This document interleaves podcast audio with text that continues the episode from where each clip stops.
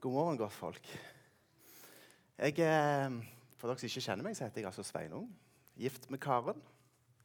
Har to kids. Levi på 11 og Malin på 9. Og Til daglig så jobber jeg i et begravelsesbyrå. Og Når jeg presenterer meg på denne måten, her, så får jeg alltid noen oppfølgingsspørsmål. Ikke om familien, men om begravelsesbyrå. Og da er Én kommentar er den dere er så gode. Ja, det er vi. En annen er jeg kunne aldri hatt din jobb. Nei, det kunne du nok ikke. Og så er det noen som av og til sier er det ikke litt trist. Det er det ikke. Det er veldig meningsfullt. Og Av og til så kommer vi over noen gode stubber. og Jeg tenkte jeg skulle ta en sjanse og fortelle en liten historie i dag om en mann og kone og svigermor som reiser på ferie til Det hellige land. Eh, og når de kom der til Det hellige landet, da, så skjedde det at svigermor døde. Og hva gjør svigersønnen? Han tar ansvar ikke sant? og så tar kontakt med et begravelsesbyrå, får kontakt med en gravferdskonsulent. Og så forklarer denne gravferdskonsulenten det at uh, du har to valg. Vi kan enten sende da, svigermor hjem. Det vil koste deg 50 000 kroner. Eller vi kan gravlegge svigermor di her i Det hellige landet for 1500 kroner. Ok? Så tenker han svigersønnen litt, og så svarer han ah, Nei, bare, bare send henne hjem. OK. Gravferdskonsulenten spør litt forsiktig kan jeg uh, spørre hvorfor. Altså, Hadde det ikke vært fint å gravlagt svigermor i Det hellige landet? Tenk det for bare 1500 kroner. 50 000, 1500. Så går det en stund, så svarer, svarer svigersønnen det. Du vet, For 2000 år siden så var det en mann som døde her. Og Han ble gravlagt i Det hellige land. Men han sto opp igjen etter tre dager. Og den sjansen kan jeg ikke ta.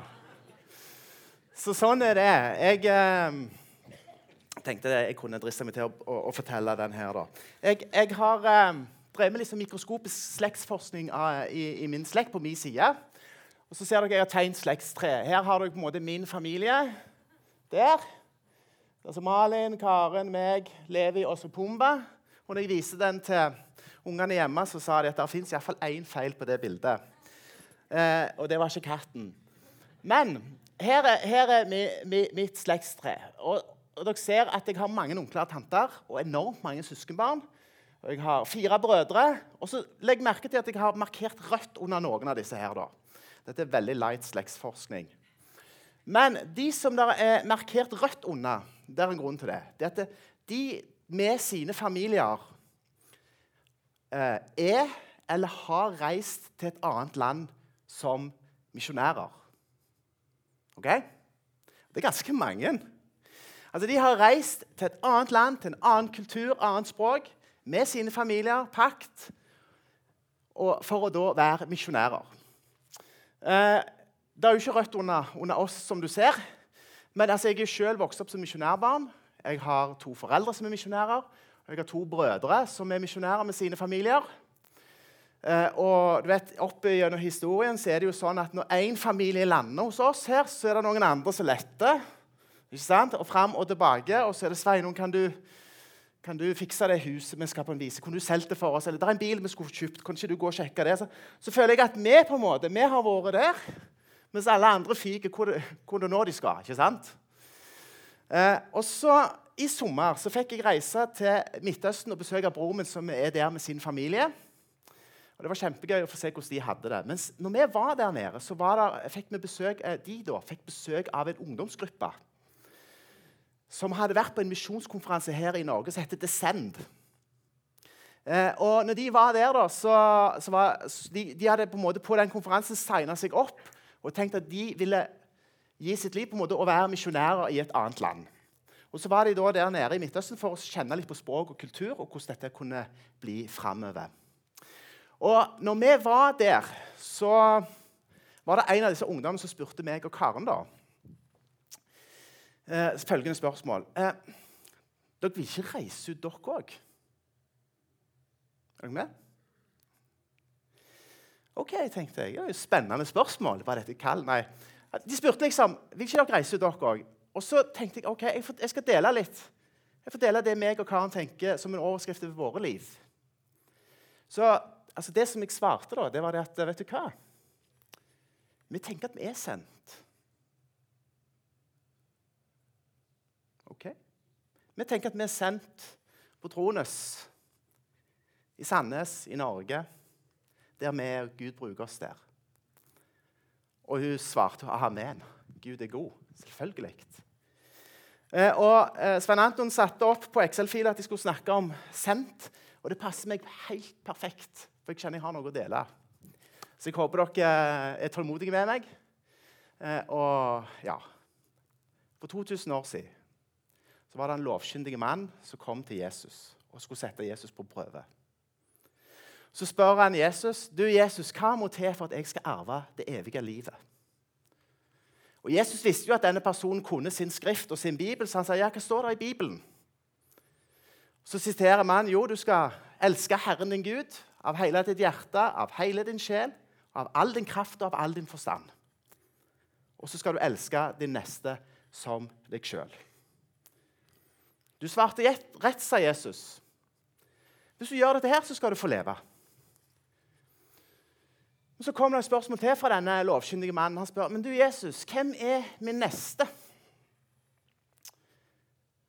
Og Det svaret som kommer da, det er en historie som Jesus forteller, som alle har hørt, og en veldig kjent historie. Han forteller at det var en mann som gikk fra Jerusalem til Jeriko. Det er ca. en åtte timers gange.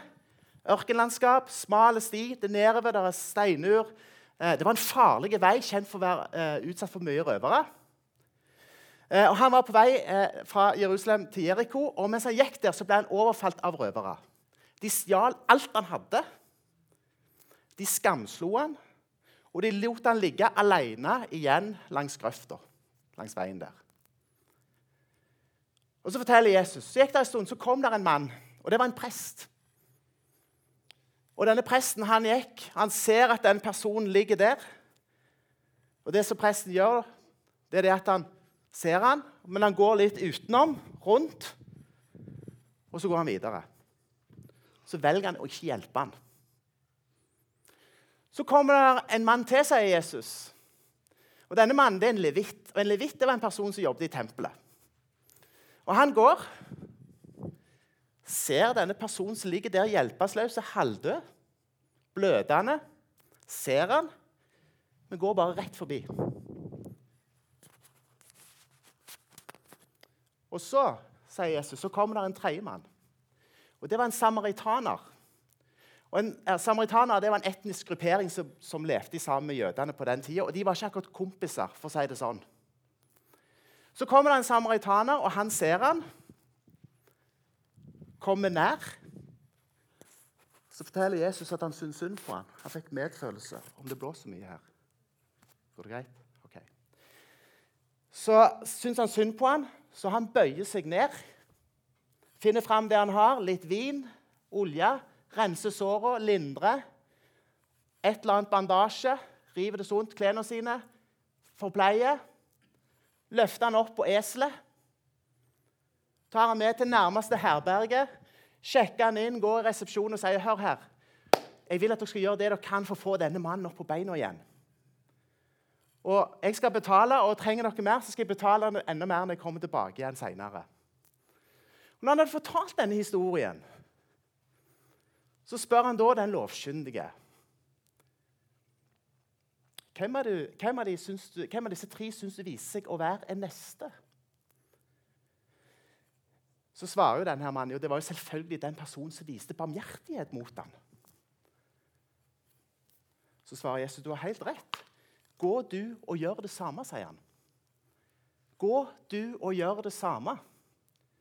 Et slags forvarsel på det som Jesus senere kommer til å gi oss den store misjonsbefalingen.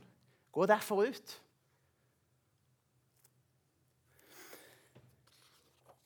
Når Jesus sto opp fra grava for 2000 år siden, så hadde han fullført et oppdrag. Det står i Markus eh, kapittel 10, vers 45. For heller ikke menneskesønn er kommet for å la seg tjene, men for selv tjene og gi sitt liv som løsepenge for mange.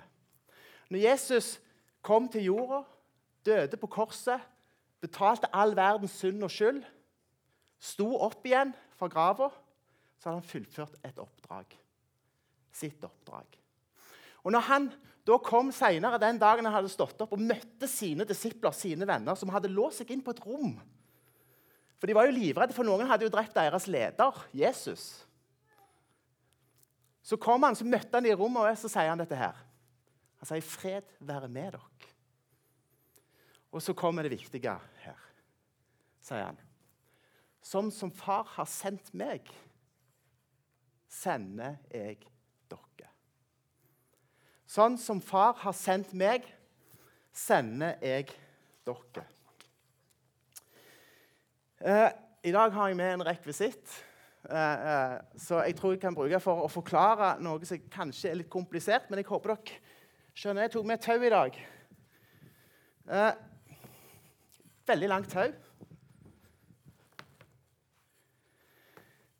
Og så, nå vil jeg at dere skal være med på et lite tanke, tankeeksperiment. Vi forestiller oss denne tauen her er uendelig lang. At det er 50 ganger rundt jorda. sant? Veldig, veldig, veldig, veldig lang. Og så skal vi i neste øyeblikk her forestille oss at dette er en tidslinje. Og så skal vi etterpå det forestille oss at dette er din og min eksistens. OK? Denne røde delen her, som dere ser, det er mitt, min og din tid her på denne jorda. Vi har noen få korte år på denne jorda. Og så er det en evighet en annen plass.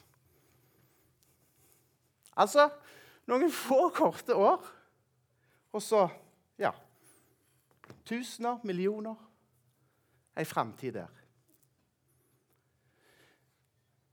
Jeg syns det er fascinerende, for jeg, jeg, jeg, tenker at vi er veldig opptatt av den lille her i våre liv. Men kanskje ikke så opptatt av det som ligger foran. Og du vet, Vi jobber, jobber, jobber, jobber, jobber, jobber, jobber og så her, Akkurat der da skal jeg slappe av og ha det fint. Eller ferie, ferie, ferie, ferie, ferie. Eller vi tjenestegjør i misjonssalen hver tredje helg på denne beden her. Og så har vi dette. Og jeg har tenkt Nå hørte dere denne historien som Jesus fortalte. Jeg vil dere skal være med på tanken at dette er mitt og ditt liv her på denne jord. Så dette Jerusalem, og dette er Jeriko. Er dere med? Dette er Jerusalem, og dette er Jeriko. Og denne veien her, det er mitt, min og din hverdag og mitt liv, våre liv. Og så vet jeg at dere har hørt denne historien veldig, veldig mange ganger og tenker at ja, jeg vil jo være den barmhjertige samaritanen. Det er jo sånn vi alle vil være. ikke sant? Men jeg tror kanskje i dag så skal vi få lov til å se at uh, av disse tre personene som går langs denne veien, så kan vi være alle tre i løpet av faktisk én og samme dag. Presten kommer først. Han går. Jesus forteller. Da kommer en prest og ser. Du vet, Vi har store forventninger til prester. Så kommer han og ser han denne mannen som er i nød og holder på å dø. Men så går han rundt på avstand og forbi. Og nå tror ikke jeg at vi møter mange mennesker som ligger i grøfta og blør og er i ferd med å dø. Men jeg tror vi møter mange mennesker som vi tenker av og til at vi må holde litt avstand. Passe på så vi ikke kommer for nært. For vi vet jo det at hvis vi kommer for nært, så må vi jo på en måte bry oss. Jeg tar det i det sjøl. Det er ikke få ganger jeg tenker i mitt stille sinn åh, jeg er glad at det ikke er jeg som har de, at det, at det ikke, at det ikke er jeg som har de problemene der. Takk og lov. For det er ikke mitt problem. Og så, ønsker, tenker vi at vi må holde litt avstand. for det, Presten tenkte gjerne også at det var en risiko. Han kunne jo blitt rana, han òg. Det er en risiko å involvere seg med å hjelpe folk. En kan på en måte bli dratt inn i ting som en ikke vet hva er. Men det at vi i vår hverdag møter folk, så vi, tenker vi av og til at vi, har, vi tar litt avstand her. Passer på en armlengdes avstand. For kommer vi for nært, så må vi på en måte bry oss. Og vi har gjerne vennskap som vi passer på å holde akkurat overflatisk nok. Ikke skikkelig i dybden. For kommer vi der, ja, da Ja. Det var presten i dag. Så kommer levitten. Og Levitten han jobber jo og tjenestegjør i tempelet, og det gjør vi jo alle her. Han kommer og ser denne personen. Jesus forteller at han ser han, men han går bare rett forbi. Han går ikke engang rundt. Han, han går, og så ser han, så går han. Og Det kan være at han tenkte ja, men den personen der det er jo ei folkegruppe som Jeg har ikke noe med de å gjøre. Han ser denne personen, og så går han forbi. Og det kan også være at han også var redd. Redd for å bli involvert, redd for å bli rana. Det kan òg være rett og slett bare ikke brydde seg. Men i dag så tenker jeg i dag så kom han, så han, men bare gikk. For i dag hadde han ikke tid. Han hadde ikke tid til å stoppe. For det var noe som var veldig mye viktigere, så han tenkte at dette har jeg ikke tid til. Han skulle rekke lovsangskvelden. Han hadde kassagitaren på ryggen. ser du. Han skulle noe veldig viktig, så han hadde ikke tid til å stoppe for denne personen som lå langs veien og trang hjelp. Jeg syns det er ganske spennende å studere Jesus. Hva, hva han tenkte eh, var viktig nok for at han på en måte skulle stoppe. Hva var det Jesus tenkte dette er så viktig, her må jeg stoppe? For han var jo en veldig busy mann, ikke sant? Men det var noen ganger han stoppet opp. Og hva var det som var så viktig for Jesus å stoppe? Altså, Jesus stoppet for de syke, for de som var ensomme. Han stoppet for de som var fattige. For de minste og de svakeste. Jesus stoppet for de som lå nede. Og så hjalp han dem. Og Det som også er spennende å studere med Jesus når han stoppet, at det var de gangene han stoppet. Da hadde han en tendens til å skje noen under. Like viktig, sier Jesus, som å elske Herren din Gud, er å elske din neste som deg sjøl. Så kommer samaritaneren, da. Og Det kule med samaritaneren synes jeg, i den historien, er at Jesus tar den personen som gjerne folk liker minst, og så gjør han han til helten i historien. De som kanskje har minst med å gjøre, som vi gjerne ikke syns er så poppis, de gjør han til helten i historien. Du vet, Jesus snur ting på hodet. Samaritaneren kommer, ser denne personen, og så stopper han opp. Bøyer seg ned. Førstehjelp og Hvis dere leser Lukas 10, så er det beste med hele den historien er jo at han, der står mannen løftet han opp. Han løftet mannen opp.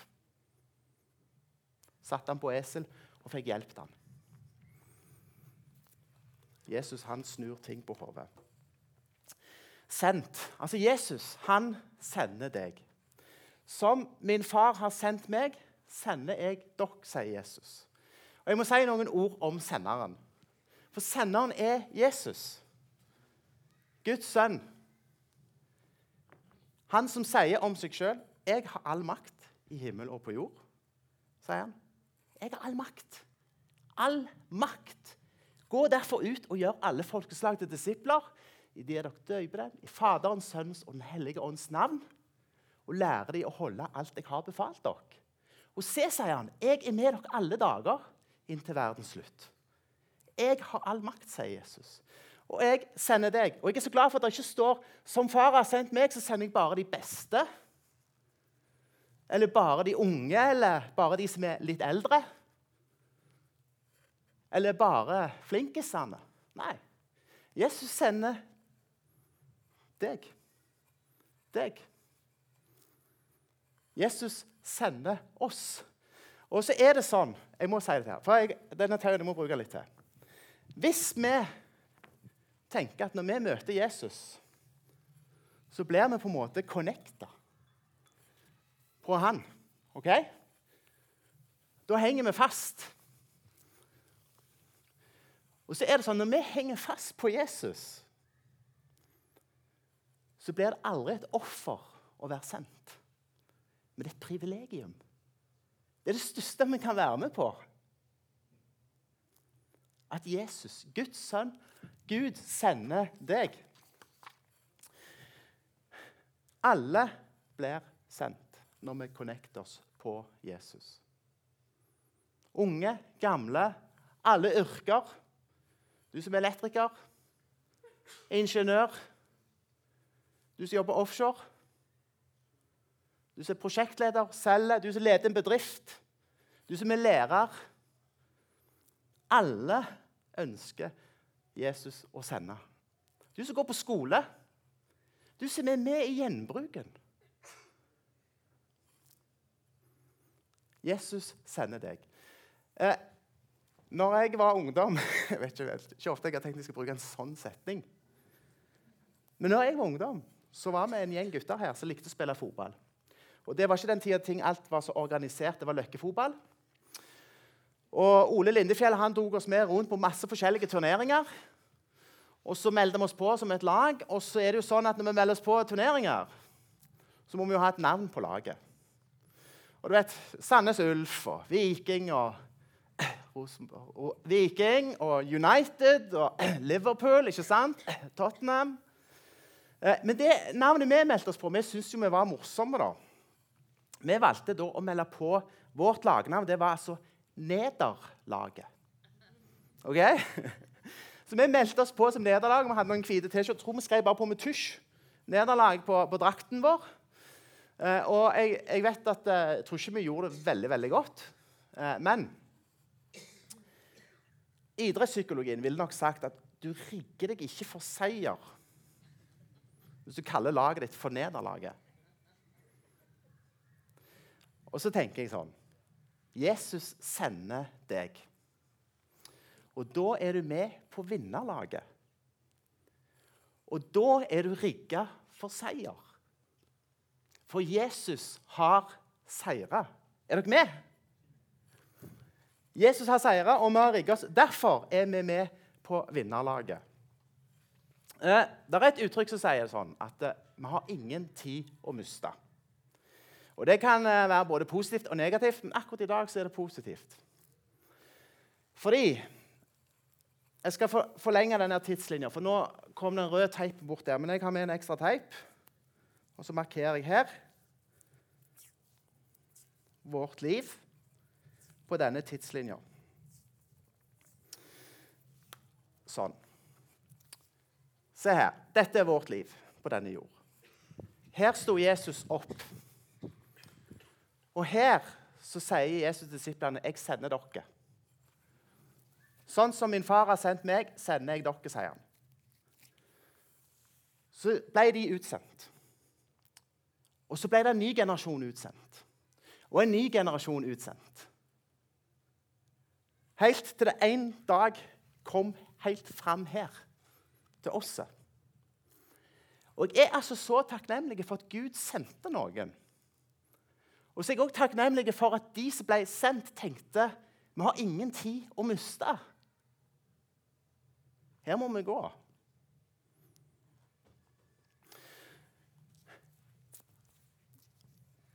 Hør, Gud han er en sendende Gud.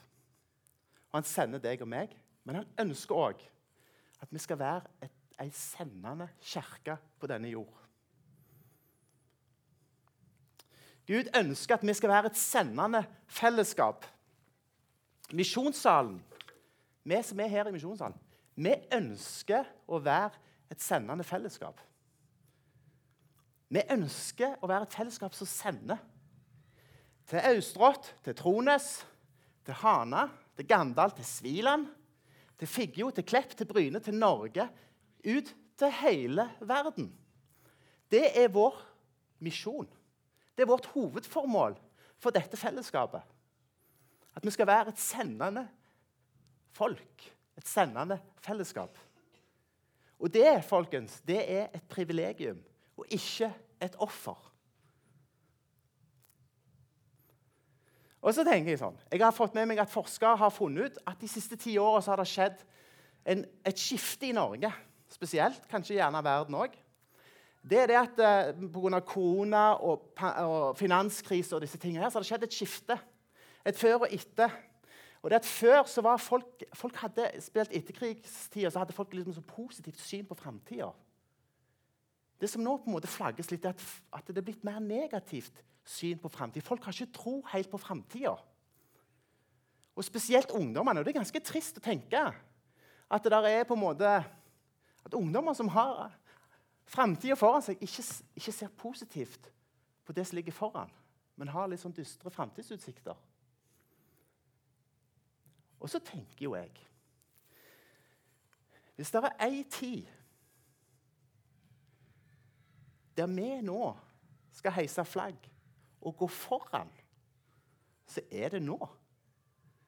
Vi skal gå foran og ha en positiv framtidstro.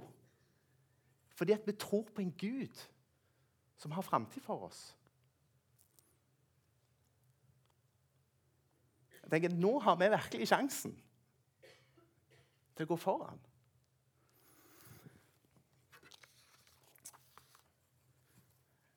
Jeg har litt til. Jeg håper dere greier det. For denne tauen her, den må jeg endre litt på. Siden jeg først har vært å få tak i en tau. Eh, han er ganske lang. Jeg var jo i Stavanger på en sånn båtforretning og kjøpte en. Og hva sier det sånn? Jeg har ikke peiling på båter. Jeg vet det er noen her som kan det. Og Hvis dere googler landkrabbe, så får dere bilde av meg. Eh, jeg var i den båtforretningen, og så kjøpte jeg en ting til. Og jeg kjøpte en sånn en. Og jeg måtte spørre Karen hva heter, hva heter dette. Dette er altså ikke en badering, det som Malin trodde det var, men det er ei livbøye. Og så er det sånn at uh, den her fungerer sånn at hvis du jeg vet ikke om de bruker disse på båter, da, ja, men uansett, hvis noen faller ut på sjøen, så kan vi på en måte kaste den ut til de som eh, har, har, falt over bord. Og så kan de ta tak i denne, og så kan vi på en måte dra dem opp på land. Ok? Dette er jo skikkelig ABC-forklaring. Sant? Eh, og denne her omdøyper nå fra å være ei tidslinje til å være ei livline. Og så syns jeg det er litt kult. da. For se her. Jeg er litt fornøyd med den her. Se hvor den henger fast. Ok? Denne henger fast på korset og på Jesus, og så er den dette verktøyet. Og i midten her er våre liv. Jeg syns det er kult. Røde, det røde området der, det nå blir nå hele denne her. Gud ønsker å sende deg til å være hans livline i denne verden. Og så har jeg testa noe, for jeg var nede her i går og måtte jo sjekke at dette funka. Så vet jeg en ting, at den tauen her er lang nok til at den rekker alle dere som er her. Og jeg tenker, hvis, hvis du kjenner det, så ta tak i denne. Men så vet jeg en ting til. Jeg testa dette. Denne tauen er lang nok til at hele denne livbøya da, rekker utføre den Ser dere den døra der med nødutgangen? På andre sida av den nødutgangen så burde det stått 'nødinngang'. har jeg tenkt. Men den rekker ut av dette bygget. Henger fast der, ut der. Og så er vi livbøyer. Gud han sender oss til å være hans livbøyer og hans livline for å redde mennesker som er i nød. To av disse personene som gikk langs denne veien, presten og levitten, de tenkte Hva skjer med meg hvis jeg stopper? Men samaritaneren tenkte Hva skjer med han hvis jeg ikke stopper? I Esekiel kapittel 36, vers 26, så sier Gud til oss Jeg, sier Gud, jeg gir dere et nytt hjerte. En ny ånd gir jeg inni dere. Jeg tar steinhjertet ut av kroppen, og så gir jeg dere et kjøtthjerte i stedet. Og Et kjøtthjerte det lever, det gjør ikke et steinhjerte. Og Forskjellen for på et termostat og et termometer, nei, en, en termostat og et termometer vet du hva det er? Et termometer viser temperaturen, mens en termostat holder temperaturen. Og når vi henger fast her, så gir Gud oss et kjøtthjerte som holder temperaturen. Et steinhjerte blir kaldt i skyggen og varmt i sola. Men Gud gir oss et kjøtthjerte som holder temperaturen. Som bryr seg om det samme som Gud bryr seg om. Som banker i takt med hans hjerteslag. Som har øynene åpne, og som velger å ta et valg. Jeg stopper nå. Og så bøyer jeg meg ned, og så trekker jeg denne personen opp. Dette er ikke et offer, det er et privilegium. Gud har sendt oss. Han vil bruke oss. Som min far har sendt meg, sier Jesus, så sender jeg dere.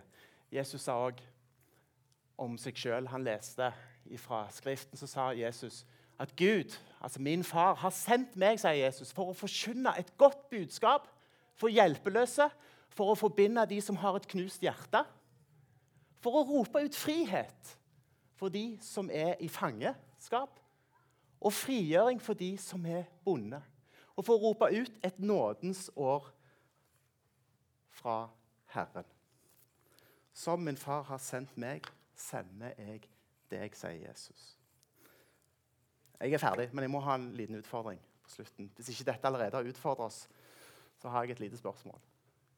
For når Gud utfordrer forskjellige personer i Bibelen, så kom det forskjellige svar. Når Gud spurte om Moses ville gå, så sier Moses, 'Å, Gud, kan du ikke sende noen andre?' Kom igjen. Det er jo ikke noen andre som kan gå, er det ikke det? Og så Når Gud utfordrer Jeremia, så svarer Jeremia, 'Gud, jeg er ikke god nok.'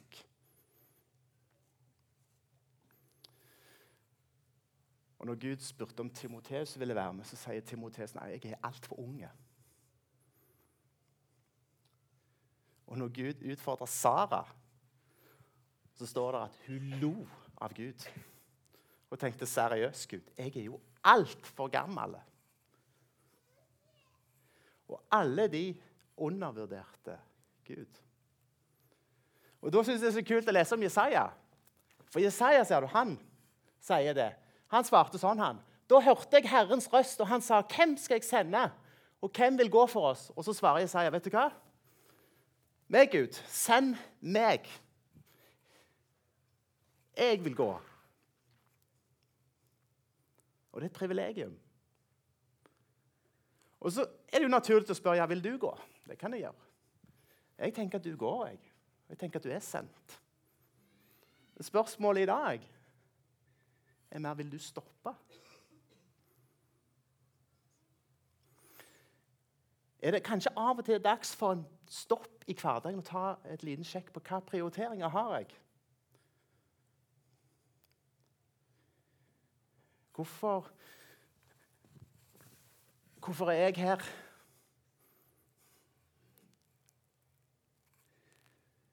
Samaritaner han stoppet, han tok et valg. Han stoppet. Han brydde seg, han vågte å komme nær. Ga omsorg. Han tok virkelig en omvei, tidsomvei i hverdagen. Han måtte jo få denne personen på, på legevakten. Og så brukte han pengene sine på denne. Jeg tror han tenkte at et menneske er mer verdt enn penger.